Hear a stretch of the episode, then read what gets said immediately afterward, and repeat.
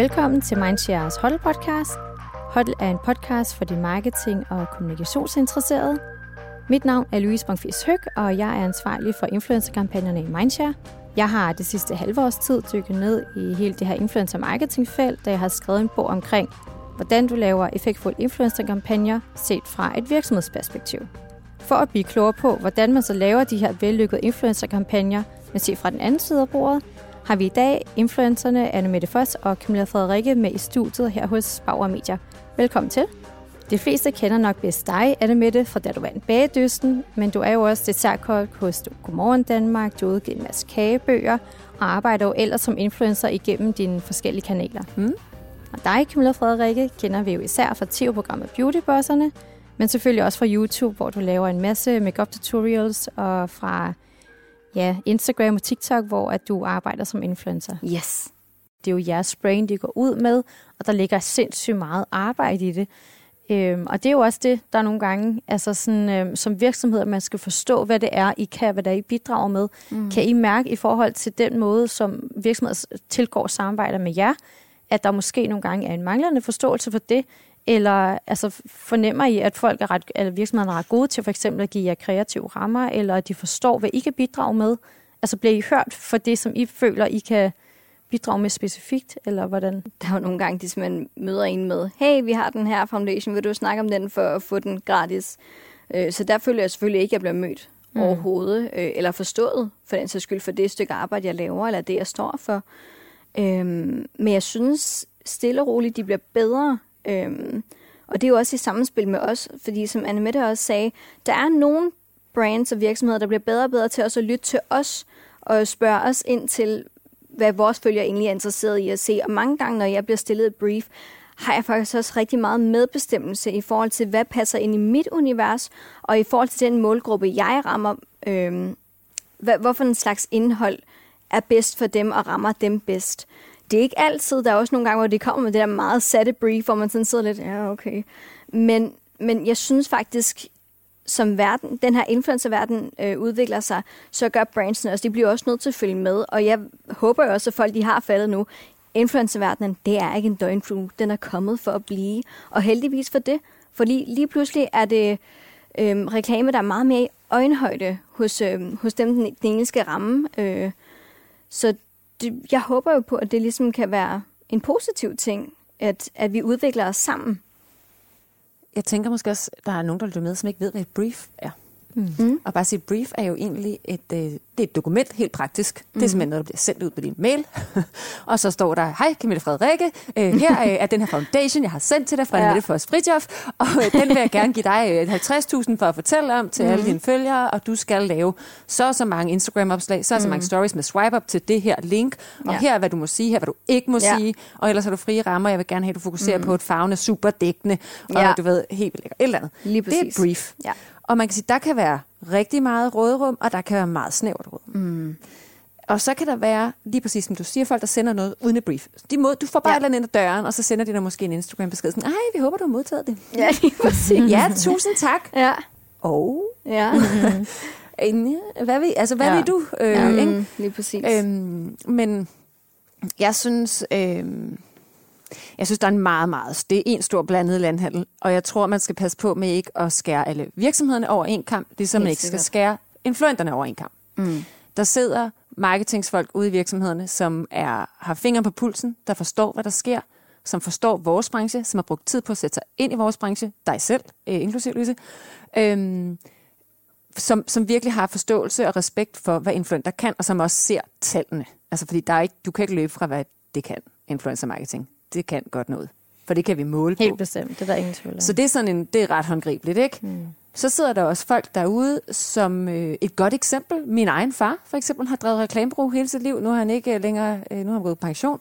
Men, men jeg har ligesom skulle forklare ham, hvad kan det, jeg gør? Havde han nu siddet i dag som direktør i sit reklamebrug, så havde han haft lidt svært ved at forstå, hvad er det lige for noget, jeg skal betale for? For han er vant til at lave mm. tryksager. Mm. Så det er sådan en, der sidder folk på de her poster, og du ved aldrig helt, hvem det er, du møder. Mm.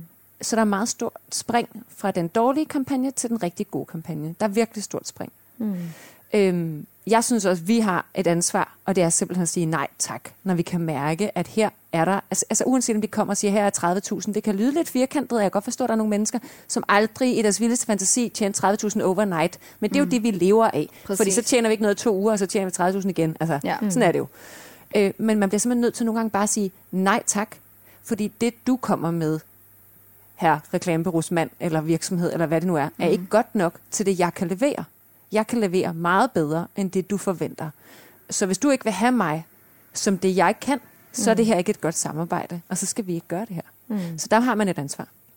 Så nu når du nævner din far med det, så hvis du skal forklare det helt lavpraktisk til ham, jamen hvad er det så, altså influencer kan, og hvad er det, der er den gode kampagne? Hvad er det, I kigger efter, når I modtager en mail fra en virksomhed, et reklamebureau, hvor I tænker, fedt det der, det kan jeg se mig selv i, og de, de har skulle sat sig ind i det her? Jamen, øh, jeg kigger efter, at de forstår os, faktisk. Og det har tit noget at gøre med, øh, hvilken pris de sætter på øh, opgaven. altså, det lyder hardcore. Men jeg, apropos værdien, jeg kan jo gå ind og se på, det kan du i den grad også, Camilla mm. Frederik, fordi du har også rigtig øh, mange følgere og swipe-ups og så videre i sin Instagram-stories. Og du kan virkelig altså eksekvere meget på en Instagram-story. Hvis mm. du har folk med dig, og hvis du er troværdig, så kan jeg simpelthen se, hvor mange har swipet op til faktisk den her hjemmeside. Så de går faktisk ind. Det er den ene ting, du vil gerne have altså branding af produktet. Mm. Jeg plejer altid at sige, influencer er helt klart mere branding end salg. Det synes jeg første omgang. Vi er helt klart mere branding end vi selv, fordi salg er altid svært. Men du kan også gå ind og måle på, hvor mange har købt det. Ja, ja. ja. Tracking links Lige så præcis. Ja, affiliate, det er der Lige mange præcis. muligheder for. Ja, ja. Så, så man kan sige, den gode kampagne, jeg kigger efter, det er at sige, hvor, meget, hvor stor brand value mener jeg selv, jeg tilfører det her produkt, for eksempel. Øh, og at det, som de vil betale mig fair i forhold til, hvad det koster hos mig at få mm. et Instagram-opslag eller stories. Er det i forhold til tidsforbruget så, for eksempel? Nej, der er Også bare i forhold til dit eget brand. Mm. Altså, mm. du kommer jo med en, altså, en masse følgere, der er bag dig, ikke? Altså, så, så du, mm. du når ud til rigtig mange mennesker. Jeg vil sige, det jeg også synes, der er nogle gange er problem, det er jo, at der er rigtig mange virksomheder, som kigger rigtig meget på salg. Hvad kan man sælge? Hvor meget sælger man i forhold til, hvis det er, at man laver en kampagne? Problemet er bare, at når den kampagne så er overstået, så kigger de ikke rigtig på, hvor meget brand value de egentlig har fået for det. Fordi der kan jo også godt komme køb bagefter, når kampagnen er afsluttet, som egentlig er kommet på grund af, at Anne Mette har anbefalet et eller andet øh, produkt.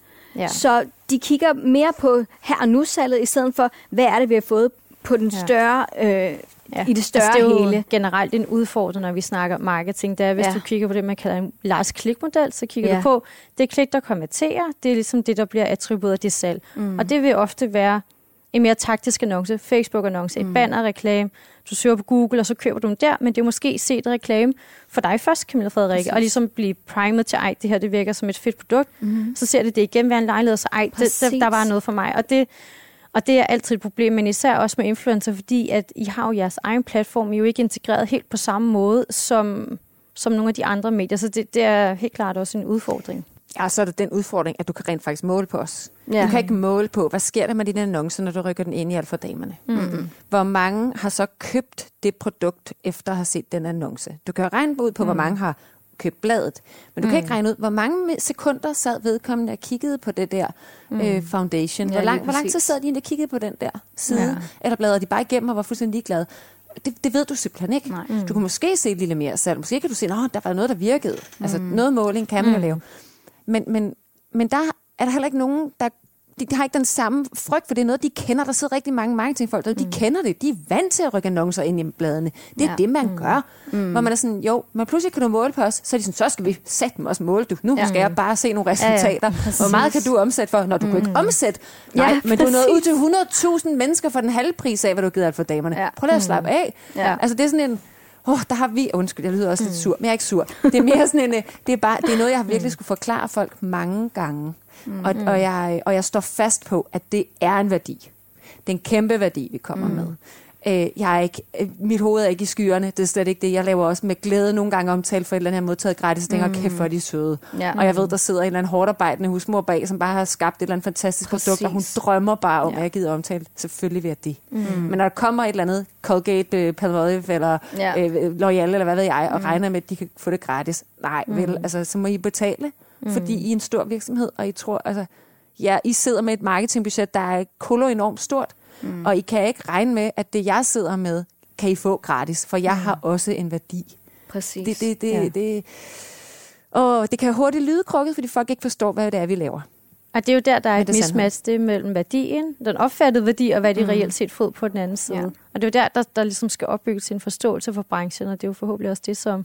Jeg synes også, det er blevet bedre, men, men Ja. det er stadig en, en udfordring, øh, og det tror det jeg, det, udvikler sig jo heldigvis, Ja. ja. altså også fordi vi bliver, jo, vi bliver bedre til at talesætte det. Folk forstår det mere, øhm, og det er jo også blandt andet ved at lave podcast og tv omkring det osv., at vi også ligesom får et indblik i, hvad det egentlig er. For jeg ved det også, at der stadigvæk er mange af mine familiemedlemmer fra skønne Nordjylland, som sidder og tænker, kan man virkelig lave sådan noget? Hvad, hvad er det for noget? Agtigt, Ikke? Altså, jeg, jeg får den så tit, og jeg, Ja. jeg, jeg, jeg ser mig selv hver gang til familiefødselsdag i Nordjylland sidde og forklare, hvordan jeg kan leve af det her, og om det virkelig er et rigtigt job, og hvornår skal jeg ud og have et rigtigt job, og så videre, hvor man bare tænker, ja, det, det synes jeg da ellers, jeg har, og så videre. Jeg tror da, jeg tjener en del mere, end du gør, bare på dit normale Ja. arbejde. Ikke? Ja. Altså, Det er må sådan- man ikke sige. Nej, det må man ikke, men du ved, det er bare sådan, man sidder jo nogle gange og skal ja. Bide sig selv i tungen, for ligesom at sige, det er et rigtigt arbejde, det jeg laver, og der er masser af fremtid i det. Tak. Mm. Men Folk kan Tak heller ikke for forstå, at jeg kan bruge hele mit arbejde på kun at lave et kampagne inden for det her felt. Altså, det er lidt den samme. Sådan, kan man bruge sin tid på det? Det kan man sagtens. Mm. Det er der masser af arbejde i. Ja. Jeg har et godt eksempel, som jeg synes er komisk, men også meget sigende. Min morfar, nu er han her desværre ikke mere, hvilket er helt okay, mm. men øh, min morfar, han har jo været med, øh, kan man sige, øh, på sidelinjen fra jeg vandt bagdysten for syv år Ja. siden. Og jeg ligesom begyndte med, at jamen, jeg vil da godt lige lave en kogebog, og så vil jeg da godt lige lave lidt YouTube, og så vil jeg da godt lige lave noget blogging og influencing, mm. og så kom der mere og mere på. Og han blev ved med at bare sådan, hvornår skal du have tilbage til arkitektfædrene med det? Jeg er uddannet arkitekt. ikke? Hvornår skal du være arkitekt igen? Mm. Og jeg var sådan, det skal jeg da ikke. Nej. Sådan, kan du virkelig tjene penge? Kan du virkelig blive ved? ja. Og jeg var sådan, ja, det går meget godt. Ja, men nu må du også snart, du ved, ikke? Meget sådan ordentlig, han har været smed, og altid Ja, ja, haft pengene ja, ja, ja, liggende i konvolutter og sådan noget. Sådan en rigtig Ja. ja. regnskabsmand, ikke? Og øhm, det, der vandt ham over, var, da jeg kom med bog nummer 13. Intet mindre. Intet mindre end bog nummer 13. og lagde den for ham på hans køkkenbord, sammen med de andre bøger i en stak. Og så klappede jeg sådan på bøgerne og sagde, morfar, altså, jeg kan godt det her, jeg laver. Ja. Men sandheden er, det kunne han forstå, det kunne han visuelt afkode. Okay, du bliver ved med at udgive bøger, når Ja. du er blevet forfatter. Ja, Ja, nu. Nå, nå, Der skal nå, være nå. titel på. Jamen, det er sådan en kasse, der kan Ja, man lige ligesom forstå. Men det sjove er jo, jeg gav op på at prøve at forklare min morfar, at det er altså en tredjedel af min indkøb. Altså, mm. det tjener jeg faktisk kun en tredjedel på. Det gav jeg op på. Det, han troede indtil den dag, han læste graven, at det var det, jeg tjente mine ja. penge på. Han kunne simpelthen ikke forstå, Altså, man der en gang hjemme hos ham, for jeg tænkte, vi skal have ham til at forstå det her. Så jeg lavede mm. som en kage til ham, og vi havde noget for Nescafé eller et eller andet. Og tog billeder og sådan noget, og lavede kampagnen med ham, og viste ham, se morfar, så spiser, så tager vi billedet, så gør vi, og øh. ja. han var bare, og hvordan får du penge for det her? Ja. Så bare lige for at samle op det, vi jo lige har snakket om nu, at det er, influencer kan rigtig mange ting. Det kan bidrage med noget andet end andre medier. Det giver en anden mereværdi. Øhm, og det er lidt den, der nogle gange er en udfordring med at få både forbrugere og virksomheder til at forstå. Men der er jo også, som du også nævnte, med det, og også dig, Camilla Frederikke, der er også rigtig mange virksomheder, der godt forstår det her. Der er rigtig mange, der tager det her felt seriøst, for ellers så havde I jo heller ikke et arbejde. Hvis ikke der var nogen kommersielle virksomheder, som ligesom tog det her felt seriøst og forstod, hvad det kan, så havde I jo ikke noget at lave. Mm. Så det her med, jamen, hvad er den vellykkede kampagne for dig? Altså for eksempel, hvis vi starter med dig, Mette. Hvad lægger du vægt på? Hvad ser du som det gode samarbejde? Det gode samarbejde er, øh, der er i øvrigt rigtig mange af. Det vil jeg godt have lov at sige. Øh, ellers kunne jeg apropos netop ikke leve det, jeg gør. Så der er masser af gode samarbejder. Det tager altså udgangspunkt i, at øh, virksomheden og jeg er to gode øh, virksomheder, der matcher godt. Hvor at mine værdier passer overens med virksomhedens værdier. Og typisk også med i virkeligheden personen bag virksomheden. Tit så møder man jo direktøren eller marketingchefen, og man kan mærke, at der er en god kemi, øh, og man forstår hinanden, så er der allerede der rigtig, så er der en rigtig god øh, bane at spille på. Altså, fordi der er et godt grundlag. Øhm, og så er det selvfølgelig et sted, hvor at det, jeg leverer, er i økonomisk overensstemmelse med det, jeg modtager. Det er også vigtigt, at det giver en følelse af tilfredshed begge steder, på begge sider af bordet. Øhm, og så synes jeg, de rigtig gode samarbejder er dem, der får lov til at gå hen og blive ligesom ambassadørskaber, altså længerevarende samarbejder. Det går jeg mm. selv i hvert fald rigtig meget op i. Det er ikke det sådan hit and run samarbejder. Fordi det er også en del af min branding. Så bliver mit navn også mere troværdigt og ægte. Hvis jeg, ikke, hvis jeg går ud og omtaler en ny shampoo hver anden uge, så vil man jo på et tidspunkt tænke, hvornår er det lige, at du egentlig elsker den her shampoo, som mm. du siger. Det er lidt mm. noget andet, bliver jeg nødt til at sige, som beautyblogger, og faktisk Camilla Frederikke ja. ved mere om det. Men jeg kan godt omtale forskellige chokolade hver anden uge, hvis jeg ville, uden det vil gøre mig super utroværdig. Fordi mm. i min kagebranche, der kan man godt teste alt muligt forskelligt, og det er ikke utroværdigt. Sådan mm. det også være beautyblogger. Men mig som ikke er beautyblogger, mm. jeg som Anne Mette først Fritjof, der bare bruger en shampoo, ville være virkelig underligt, hvis jeg skiftede shampoo-vand nu. Mm. Så, så det har simpelthen noget at gøre med ambassadørskaber, noget at gøre med en ordentlig økonomi, og simpelthen noget at gøre med en god kemi og forståelse for hinanden, hvor der bliver lyttet til hinanden hen over bordet, og hvor man i fællesskab sammenstrikker en kampagne. Jeg synes, det er interessant det her med ambassadørskabet. Det er helt klart, hvad man kan sige, en trend, eller i hvert fald noget, der er, bliver, der er blevet større de sidste par år, både øh, fra virksomhedernes side, men også altså, det er noget, influencerne efterspørger. Det synes jeg, vi kan mærke på de samarbejder, vi har. Der er for eksempel, øh, der vil være nogen, der siger nej til, hvis det er for små samarbejder, øh, og generelt er der jo en stor efterspørgsel på at blive ambassadør, eller lave flere bøster, eller hvad det kan være. Og det synes jeg giver super god mening, og jeg synes, det er en ret øh, sund udvikling i branchen egentlig, fordi de får forhåbentlig lidt opgjort det her med de meget korte samarbejder, mm. som gør, at den her branche har et ry for at være utroværdig. Det er jo netop nogle meget de her korte samarbejder, som stikker i alle mulige retninger, som man tager ind, og så bliver det meget utroværdigt. Øhm, og så er det jo også, altså tænker jeg, et spørgsmål om ud, altså udbud og efterspørgsel. Altså det her med, at der er rigtig mange influencer, det presser jo selvfølgelig jer i, at der er også rigtig mange andre om gamet, så hvis I kan sikre jer en længerevarende aftale, så er det også bedre for jer. Det gør jer mere troværdig, men så er der også en, en mere sikker indkomst, tænker mm-hmm. jeg, mhm. som også er Men jeg øh, synes jo også, undskyld, jeg synes mm. jo også, at den gode kampagne, den begynder allerede inden, at der er indgået et samarbejde. Det starter allerede hos virksomheden selv, der sætter sig ned og siger, at vi skal have lavet de her kampagner her, eller ambassadørskaber, hvad end det nu skal være.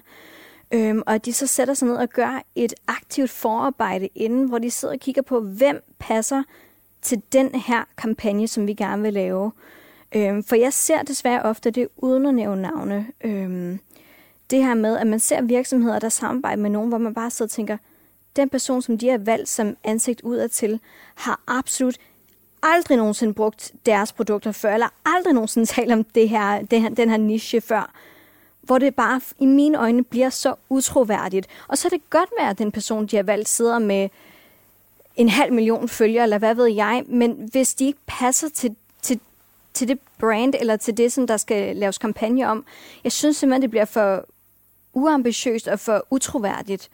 Øhm, så jeg synes faktisk, at en god kampagne begynder allerede i de i den spæde start, hvor man går ind og udvælger de rigtige mennesker at samarbejde med. Og det gør det egentlig også i mine øjne meget nemmere for virksomheden bagefter at få lavet en god kampagne og få lavet et godt samarbejde. Øhm, mm. Altså, fordi, ja. ja. altså det er helt klart, at Alfa Omega er jo bare helt sådan fra start af at få udvalgt den rigtige, og det lyder så basalt, mm. men der er jo flere tusindvis af influencer, og som virksomhed kan det være rigtig svært at finde ud af, jamen, jamen, hvem skal vælge? Især hvis du ikke er sådan en, der sidder og følger med selv på sociale medier, så har man bare ikke. Så er det rigtig svært, og det er det, der tit udmunder de dårlige samarbejde, det er, hvis du helt fra start har valgt den forkerte, så bliver det nok aldrig godt. Men mange gange, så synes jeg også bare, det handler om, at jeg synes, mange virksomheder, det bliver bedre og bedre, mm. men de mm. kigger mere på, hvor mange følgere har personen, end hvad er personens indhold, hvad er personens kerne mm. i forhold til deres arbejde. Mm. Og det synes jeg er forkert. Fordi en, der måske sidder med 50.000 færre øh, følgere end den, de måske vælger, kan faktisk måske lave mere salg, fordi at det, de laver, er meget mere... Øh, Ja, on point, ikke? Ja, on altså. point, lige mm. præcis. Det er meget mere den helt rigtige øh, ting, de, de snakker om.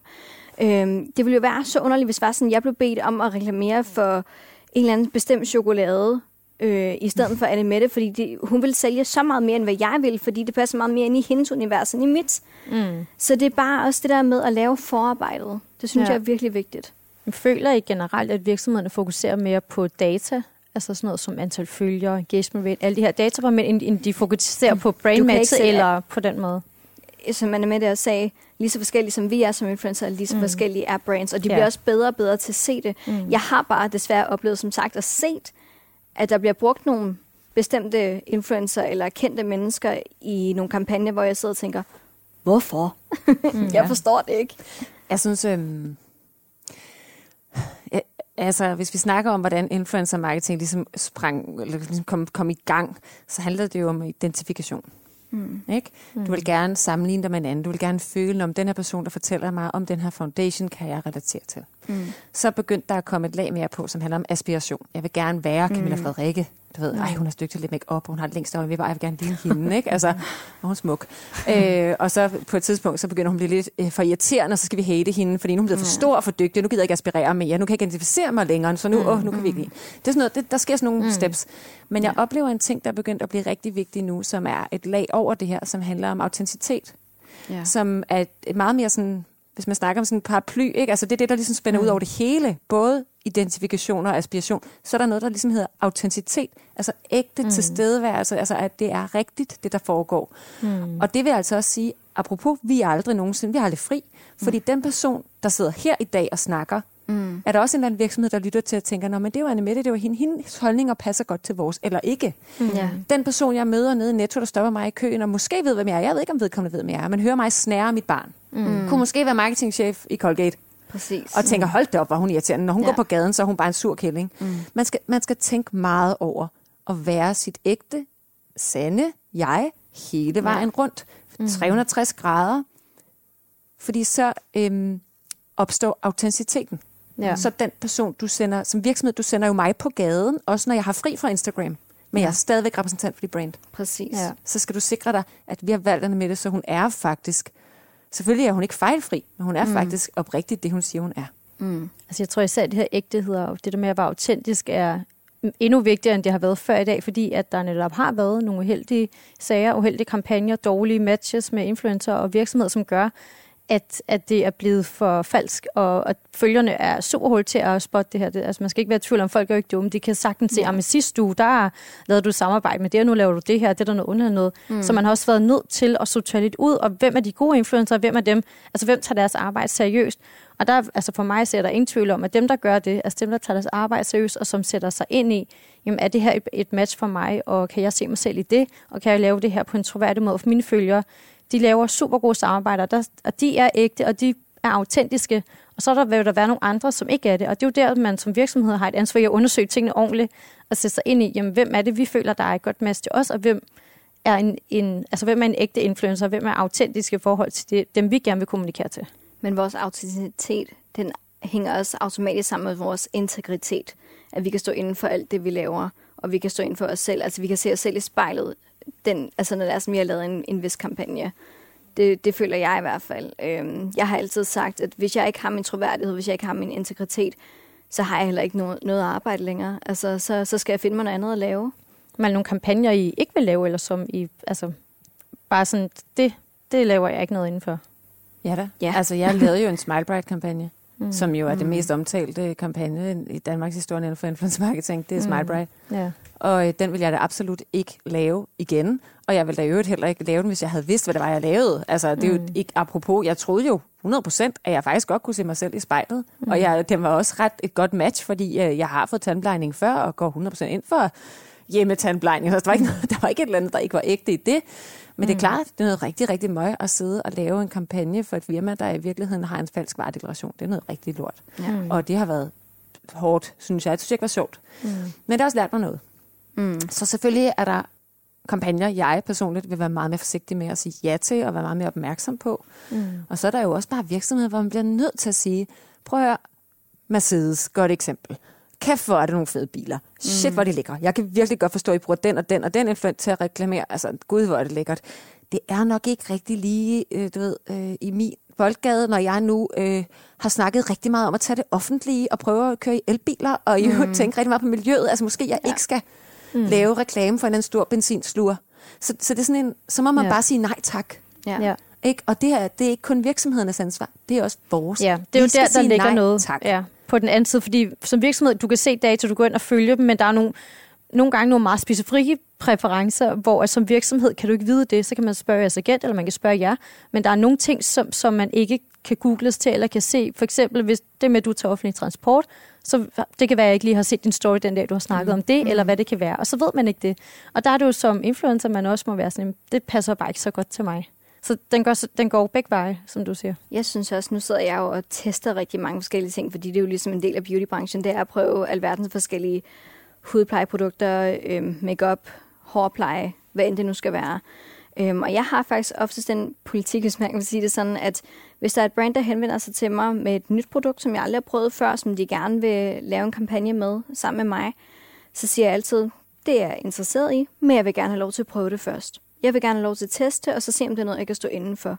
Fordi om end jeg kan læse mig frem til en ingrediensliste, der måske ser rigtig fornuftig ud, om end at tankerne bag det og så videre er, er, er rigtig, rigtig gode, så kan jeg jo ikke sige, at det her produkt virker for mig eller ej og jeg, kan, jeg vil simpelthen ikke kunne se mig selv i øjnene, hvis det er sådan, jeg siger ja til en kampagne, og så når jeg får produktet, så får det mig til at slå ud, eller er et helt forkert produkt til min hud, eller noget, jeg ikke kan stå indenfor.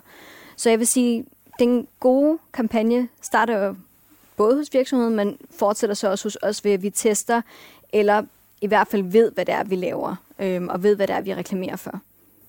Ja, og er en, lige præcis ved, har viden. Ja, lige præcis. Altså jeg laver også, nu er det ikke et betalt samarbejde, men jeg står jo bag med for eksempel nogle farver nogle mm. gange, som indeholder sådan noget, der hedder ASO-farver, som ikke er, det er ikke ulovligt eller noget, det er bare, man mener ikke, det skal i store formængder, altså i for store mængder til børn, for eksempel. Mm. Jeg står 100% inden for at bruge det her. Det bliver brugt i konditorbranchen, der er ikke noget færdigt i de små mængder, men jeg, det er mit ansvar at vide det. Mm. Sådan, at hvis nogen spørger mig, så kan jeg sige, det skal I lige være klar over. Du skal Præcis. ikke give din øh, barn det her i, i du ved, drikkevandet hver dag for at lave rødt vand. Altså sådan, mm. det skal du ikke gøre. Men det er mit ansvar. Mm. Så det er sådan en... Øh, man, kan jo, man kan jo have sin egen moralske kompas. Hvor er min grænse for, hvad jeg vil synes er fedt? Mm. Øhm, og information, som... Altså, vi skal informeres selv fra mm. virksomheden, for at mm. vi i hvert fald altid vil kunne svare på det. Mm.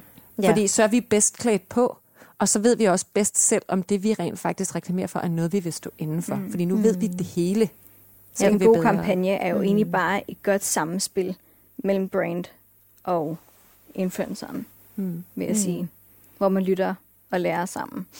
Og så en sidste ting, som jeg er begyndt selv at tænke meget mere over end før i tiden. Før i tiden har jeg været meget ops på, hvad passer til mine følgere. Mm. Hvad for, du ved, ja, jeg vil nærmest gerne sælge mig selv ind til en virksomhed mod sådan, det her vil passe godt til mine følgere. Mm. Det er jeg begyndt at være virkelig ligeglad med. Og jeg er ikke ligeglad med mine følgere, det er ikke det. Men jeg er stoppet med at tænke på, hvad vil få dem til at elske det. Mm. Glem det. Jeg lever jo af at være mig. Og vil de følge med hos mig, og synes, at jeg er fed, så er jeg nødt til at synes, at det her det er fedt. Hvis mine følgere køber ind i det, så er det dejligt. Og hvis de ikke gør, så er det faktisk også ret dejligt, fordi så viser det mig, jamen så øh, kan det være, at jeg mister nogle følgere på det. Mm. Men det er sandt, for det er troværdigt, for jeg er vild med det. Mm. Mm. Og det er jo det, der så... er afgørende, som vi har snakket om. Altså ægteheden må overtruffe de andre ting, for yes. det er jo jeg selv i sælger. Hvis jeg begynder at gå på kompromis med det, så holder folk nok også op med at følge med. Ikke? Eller er det, altså, ellers er det i hvert fald falsk identifikation. Ja. Ellers ja. så sorterer man dem fra, som alligevel ikke har været øh, kernebasen, eller mm. folk, der har været reelt interesseret i jer, kan man sige. Ja. Og man mister sig selv. Ja. Man ender ja. med, vi ender mm. med at miste os selv, hvis vi Præcis. ikke holder fokus på, hvad vi egentlig selv synes, før mm. hvad følgeren vil mene. Nå, men jeg synes, det var interessant, det her, vi snakker om i forhold til samarbejde, at man ikke vil indgå, og, fordi især nu med den her Smart Bite-sagen med det, der var kritikken jo selvfølgelig, især på Smartbright, men den røg jo ekstremt meget også på alle de influencer, der indgået det. I havde ikke sat jer godt nok ind i det, og det var jeres ansvar, og alle de her ting. Øhm, hvad, hvad, hvad tænker du i forhold til det? Fordi det er jo produktet, der ikke har informeret ordentligt, men man kan sige, det, det folk var sure, det var, om I har ikke sat jer godt nok ind i det. Men altså, det er meget enkelt. Øhm på bagkant kan man godt sige, det havde jeg så i mit, jeg blev nødt for mig selv, jo ikke sat mig godt nok ind i, øh, mm. fordi som der var, mine følgere skrev, Nå, men du kan jo bare øh, søge på CVR-nummeret, og så kan du se, at de her personer har en lang række af konkurser bag sig, og sådan noget. så må du kunne regne ud to og to og lægge det sammen og sådan noget. Men det slog mig aldrig nogensinde at begynde at gøre det, fordi det mindede jo for mig om en kampagne som alle andre kampagner, hvis jeg havde fået et beautyprodukt, hvor jeg spørger, virksomhed, der kommer med det, marketingbureauet, hvem det nu er, der er min forhandler hos Bloggers Live på det tidspunkt, og siger sådan, hey, er alt godt, kan jeg regne med det her? Er det? Og, og jeg får et langt skriv omkring, hvad kan det her produkt? Hvad står der på varedeklarationen? Hvad er det for noget? Hvorfor er det ikke farligt? Hvad gør det? Det stoler jeg jo på. Og så er det folk, der sidder og siger, det skulle du da have regnet ud. Mm. Jamen, det ved jeg simpelthen ikke, om jeg skulle have regnet ud. Og det må så for evigt forblive i en gråzone. Jeg mener ikke, at jeg skulle have regnet det ud. Der var nogen, der skrev til mig, at du skulle have bedt om en toksikologisk rapport. Prøv at det, det kunne jeg simpelthen ikke drømme om at bede om. Og det tror jeg heller ikke, hvis vi snakker om alt for damerne. Jeg tror mm. sgu heller ikke, de beder om det, inden de reklamerer for en dagcreme. Det, det er sådan, at du, mm. i Danmark har vi jo tiltro til samfundet og systemet, og det har jeg heller ikke lyst til, at vi mister. Mm. Jeg synes, når der kommer et produkt i Danmark på det danske marked med en varedeklaration, så må jeg som menneske og influencer og bureau og alt muligt godt regne med, at det, der står på den varedeklaration, er sandt. Mm. At jeg har været med til at fortælle om det, og det viser sig, at det hele er en løgn. Det skal jeg naturligvis tage ansvar for at sige undskyld for. Det er meget, meget ked af, at jeg har gjort. Men det er ikke mig, der har opfundet varedeklarationen. Mm. Det er der nogle andre, og det er nogle andres ansvar. Det er super uheldigt og forfærdeligt og trist. Men det er, hvad det er, og jeg tror, det vil ske igen. Det hele mm. handler om, hvordan vi håndterer det, når uheldet sker. Præcis. Ikke om uheldet sker. Uheldet skal mm. nok ske igen. det er jo, som du ser, hvordan man håndterer det, hvordan man går ud og i tale sætter, ja, jeg har lavet det her samarbejde, jeg er ked af, at der er sket de her ting, og sådan og sådan. Øhm, og man kan sige, det kan altså også gå den anden vej. Det har jeg da også oplevet med nogle influencer, der har sagt nogle ting om dem selv, øh, præferencer, eller hvad det kan være, der har været afgørende for samarbejdet, eller deres, de godt lide produktet, og det viser så, det kan de ikke. Eller, mm. Altså, det, det sker ikke så altid, det vil jeg så godt lige sige. Men jeg har også oplevet, at det går den anden vej, hvor der sidder man jo også og føler, at man har været velinformeret, man har undersøgt det, og så finder du ud af, Nå, men du er bare ikke blevet oplyst godt nok. Eller mm. det, det har direkte været usandt, nogle af de ting, der har sagt, og det er selvfølgelig en uheldig situation for begge sider af bordet. Altså. Ja.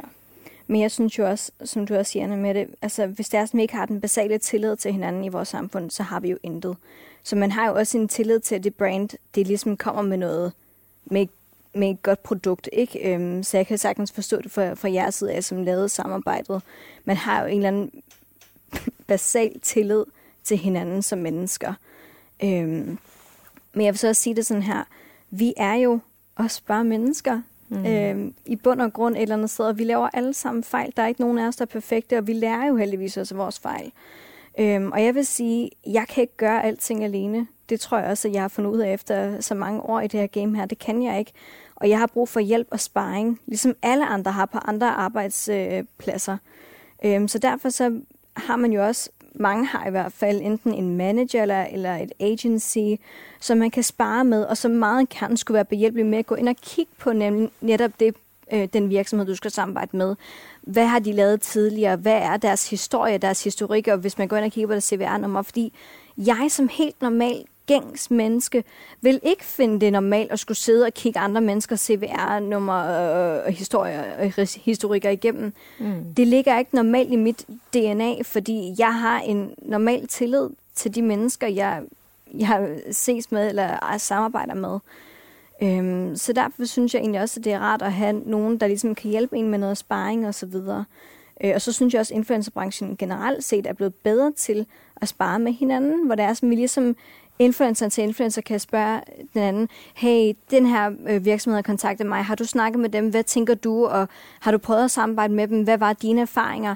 Det der med, at vi også kan udveksle erfaringer, hjælper mig rigtig meget ved at sige med, hvad jeg også, egentlig, hvem jeg gerne vil samarbejde med eller ej. Mm. Øhm, er og der det blevet sådan en større solidaritet ja, mellem influencers måske? Og det er jo ikke, fordi jeg siger, mm. at jeg er blået, eller at jeg er naiv, men, men det er jo klart, at jeg sidder og er et menneske, Øhm, og jeg har ikke samarbejdet med alle. Øh, langt fra. Øhm, så det er rigtig rart det her med at have nogen at spare med. Øhm, for ligesom at finde de gode og de ægte kampagner. Mm. Men der sker jo så også det, fordi det er et godt eksempel. Jeg har sparet for eksempel med en kollega, som jeg virkelig stoler på, som jeg synes er et altid dejligt menneske omkring mm. SmileBright, og spurgte. Mm. Og var sådan, jeg ved, du har prøvet det, er det godt? Virker det? Ja, det virkede. Mm. Jeg prøvede det selv, det virkede. Og det gjorde ja. det jo. Der er ikke ja. noget. Det blegede ja. jo max. Altså. Mm. ja, ja. øhm, det har så også gjort rigtig ondt efterfølgende mm. på mine ja. tænder. Men, øhm, men det er sådan en... Mm. Ved, jeg snakker med en kampagnemedarbejder hos mit uh, team, ikke hos mit agency, som jeg stoler på, som jeg er vant til at stå på. Vi har eksekveret et hav af kampagner, der har været gode. Ja. Jeg stoler selvfølgelig mm. på vedkommende. Jeg stoler på mit agency. Jeg stoler på mm. Øh, hende, jeg har snakket med, og siger, dig stoler jeg faktisk også på. Det virker, når det er godt. Jeg prøver mm. det selv. Ja, det virker på mine tænder. Jeg har ikke noget. Der er intet i min verden, der gør, at jeg tænker, åh, her skal jeg være sindssygt bange. Mm. Det var der bare ikke. Men det, heldigvis for, at jeg begik den fejl, faktisk. Fordi jeg er sikker på, at det vil gøre mig til bedre i fremtiden, fordi jeg vil tænke en ekstra gang. Mm. Jeg håber egentlig bare, at det, at jeg fuckede op, hvilket jeg jo bund og grund gjorde, sammen med et par stykker andre, at der vil være nogle andre, som lærer af det sammen med mig, som siger, hov, jeg skal mm. ikke lige fuck op, ligesom Anne Mette gjorde, så jeg vil lige tænke en ekstra gang. Mm. Og så sige, godt, hun tog den på sin kappe. Og så håber jeg, at de tager den på deres næste gang. Mm. Det er jo også en uheldig sag, og sådan noget mm kan jo ske, kan man sige. Men nu ved man det, ja, som du siger, til næste gang, og hvad man er nødt til at kigge efter. Men som udgangspunkt må man også gå ud fra, at virksomhederne er ærlige omkring deres produkter. Det ja, må være præcis. udgangspunktet, ikke? Det er jo det. Ja. Jo, man er altså øh, uskyldig indtil andet er bevist. Ikke? Mm. Mm. Det bliver ja. vi lige nødt til at holde fast Man er nødt til også at have noget tiltro. Det er en altså, Man kan heller ikke bare ja. indgå i samarbejde med mistillid fra start af. Det er jo heller ikke et godt øh, Men det er også det, det vi har. Det, vi skal jo have en basal tillid fra start mm. af, ikke? Øhm, det er jo det. Fordi influencer Og du kan aldrig sådan ja. helgardere dig overhovedet.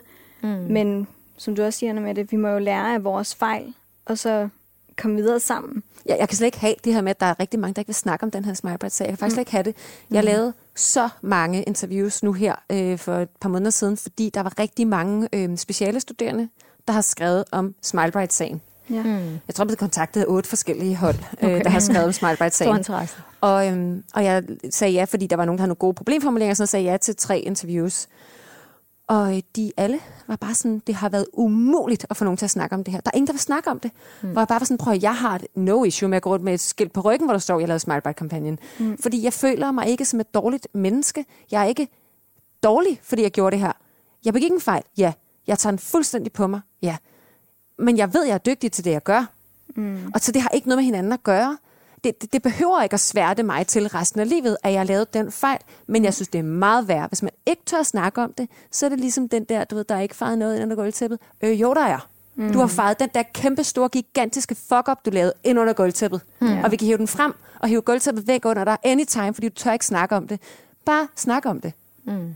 Altså det er meget, meget stærkere, synes jeg, mm. at vi tør som influenter at tale helt åbent omkring vores branche, hvad det egentlig er for noget, der foregår, hvad der er for nogle fejl, der også sker. Mm. Ellers så bliver vi ikke accepteret som en seriøs branche. Men det er også mere troværdigt, synes jeg. Altså generelt, når man snakker krisekommunikation, eller hvad man skal sige i den her sag. Altså det der med generelt gå ud og kommunikere, anerkende, forklare, hvad der er sket, det tror jeg altid er et godt udgangspunkt, når der sker sådan nogle ting, ligesom du for eksempel har gjort på din kanal. Altså der har ikke været nogen, hvis man følger dig, har man ikke været i tvivl om, hvilken holdning du har haft til den her sag, hvor som siger, at der er ret mange andre, der har gået med stille døre. Det har egentlig været rart at høre, hvad, hvad du selv synes om det, og hvordan, i stedet for at mange har været at skrive undskyld, og så har det været det, man har ikke rigtig yderligere forklaret. Øh, og det, det tror jeg har givet meget. Mm.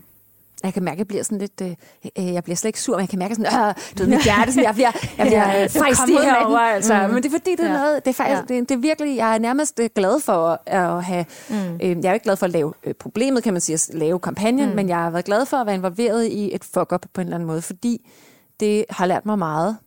Og det har lært mig meget af min egen integritet. Og netop det, som du siger, Camilla Frederik, at kunne se mig selv i øjnene. Jeg har virkelig ja. måttet spørge mig selv, kan jeg det? Ja. Men jeg vil så sige, det der for mit PCK, det er jo, at dem, der sidder med ansvaret, ikke er dem, der får the hate. Det er jo lige netop dem, som i god tro mm. har lavet en kampagne for ligesom både at, at fremhæve produktet og så videre i, i god mening og i god tro. Og så alligevel er det jer, der skal sidde med, undskyld mig, lorten mm. i sidste ende, i stedet for det egentlig er øh, selve brandet, som jo egentlig har, har snydt. Øh, ja. det, det kan irritere mig. Øhm, det... Der burde de jo gå ind som samarbejdspartner og tale ja, på vegne af jer og guide jer i, hvad, altså, hvordan, hvad skal vi kommunikere? Altså, det ved jeg ikke, om de har gjort, men umiddelbart virker lidt efterladt i den situation.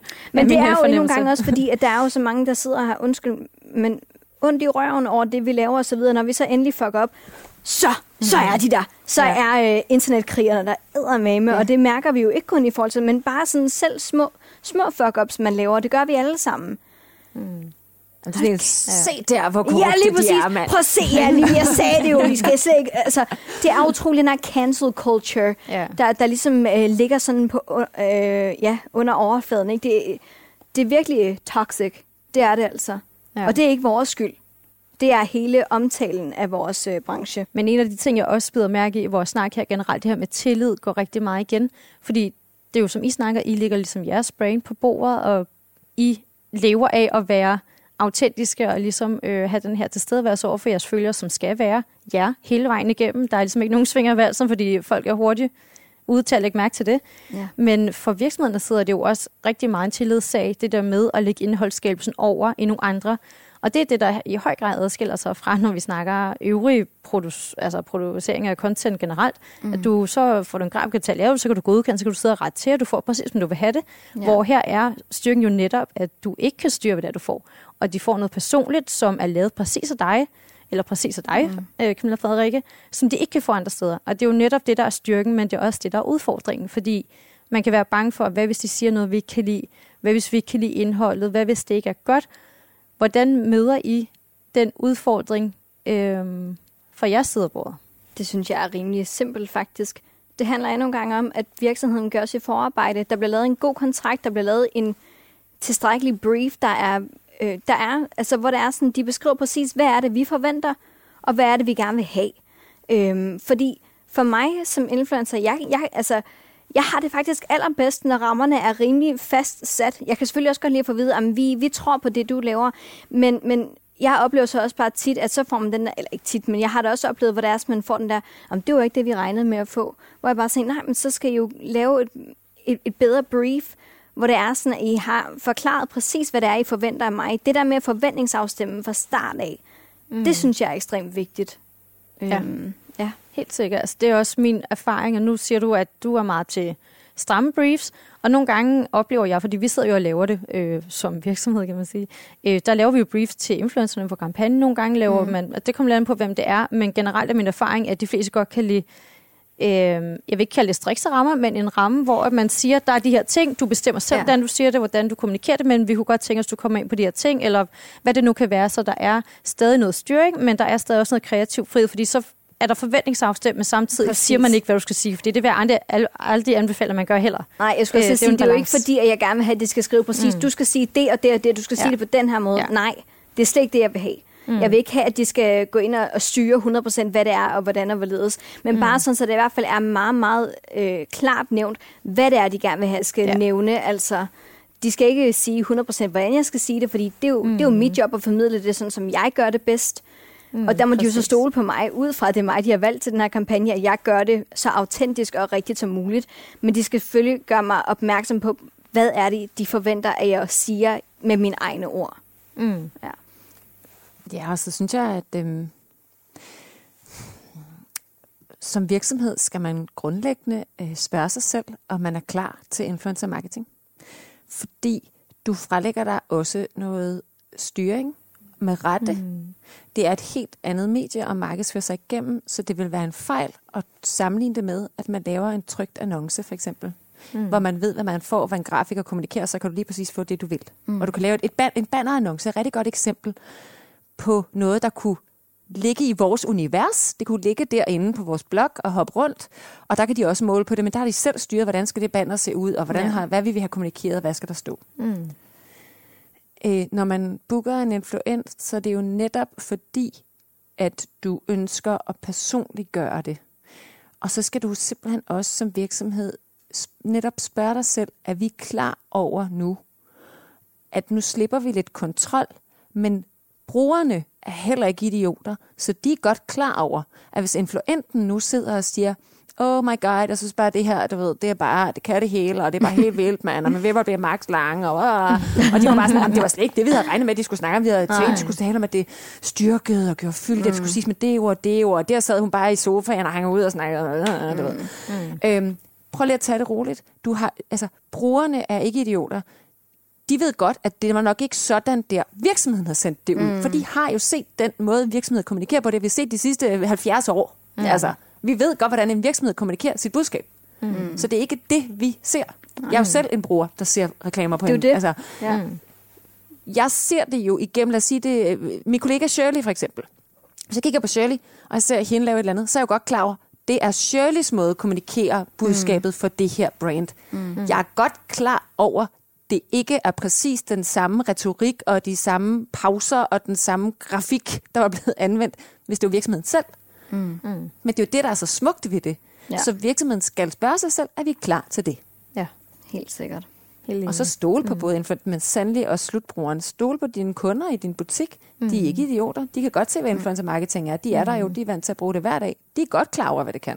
Mm. Men det, jeg synes faktisk også, det var en rigtig god pointe, du sagde der, Anna, med, at vi er jo også selv øh, forbrugere. Mm. Altså, vi er jo også selv nogen, der bliver påvirket af andre menneskers øh, øh, kampagner og, og så videre. Så ja, et eller andet sted, så stiller jeg også mange gange mig selv spørgsmål om, hvordan gør jeg det mest troværdigt, sådan, så jeg selv vil tro på det. Mm. Øhm, vil jeg selv tro på det, jeg sidder og siger lige nu? Mm. Det er egentlig en meget god, sådan, fø- giver en god føling på, om det, man laver, det er autentisk og, og ægte, at jeg selv tror på det. Mm. Så altså, det her med at slippe kontrollen er jo et præmis for at kunne lave influencer marketing. Mm. For hvis der er, man går ind og prøver at styre det for meget, så er det jo netop, det ikke kan blive og så bliver det uægte. Personligt altså det, og relaterbart ja. og alle de her ting, som jo netop er derfor, man skal bruge influencer marketing. Hvis Præcis. ikke man vil det, så kan man lave en bannerannonce for eksempel, som kan nogle andre ting. Og det er mm. jo lidt mhm. det, man, man skal anerkende, hvad det kan, hvad det måske ja. ikke kan. Præcis. Mm, så hvis vi, skal, hvis vi skal samle lidt op, hvad er så do's and don'ts, når vi snakker den vellykkede influencer-kampagne? Jeg synes, øh, have tillid, det er et klart do. Mm. Have tillid til hinanden. Øhm, der tror jeg, at vi som oftest har større tillid til virksomhederne, end de mm. nødvendigvis har til os. Ja. Øhm, Det synes jeg skal stå allerøverst. Mm. Og så synes jeg også, klar kommunikation er også et stort do. Og det var det, du var inde på, Camilla Frederikke. I Mm. dit brief gør det meget tydeligt, hvad din forventning er. Lad være med at skære noget øh, så skarpt ud, øh, at, øh, at vi slet ikke har nogen, noget råderum. Ja. Men vær helt klar i mailet omkring, det er vigtigt for mig at fortælle, at den her creme indeholder antioxidanter, for eksempel. Mm. Det, kan, det er jo troværdigt nok. Det havde jeg måske ikke fået nævnt, hvis ikke det stod der, at det var Mm. vigtigt for dem. Det kan være, at det er deres uh, unique selling point. Ikke? Ja. Så det er sådan en... Er do's. Mm. Og et sidste dues, og det er jo så allermest, eller det er, ligger både hos influenceren og så også virksomheden, det er det med at- gøre sin research. Og sørge for, at, at matchet bliver så rigtigt som overhovedet muligt mellem virksomheden og influenceren. Øhm, det synes jeg også er alfa og omega faktisk. Øhm. Mm. For ellers i mine øjne, så vil det bare blive utroværdigt. Mm. Ja, og don'ts kan man sige... Et, prøv at lade være med at føre influenten bag lyset. det kan jeg i hvert fald godt være med om. ja, ja. Prøv at lade være med det. Det skaber ikke god omtale. Nej. Øhm, det er også lige meget. Det var lidt en joke, men det, det er vel obvious, når jeg har lavet Smile Bright, at det, det kunne jeg godt tænke mig. Der er ikke nogen, der gjorde igen. Mm. Øh, men jeg synes, don'ts er virkelig sådan en... Øhm, lad være med som virksomhed at gå ind og tro, at du ved bedst om, hvad influenten mm. kan. Du ved bedst om dit produkt. Mm. Vi ved bedst om, hvad vi kan. Ja. Super god point.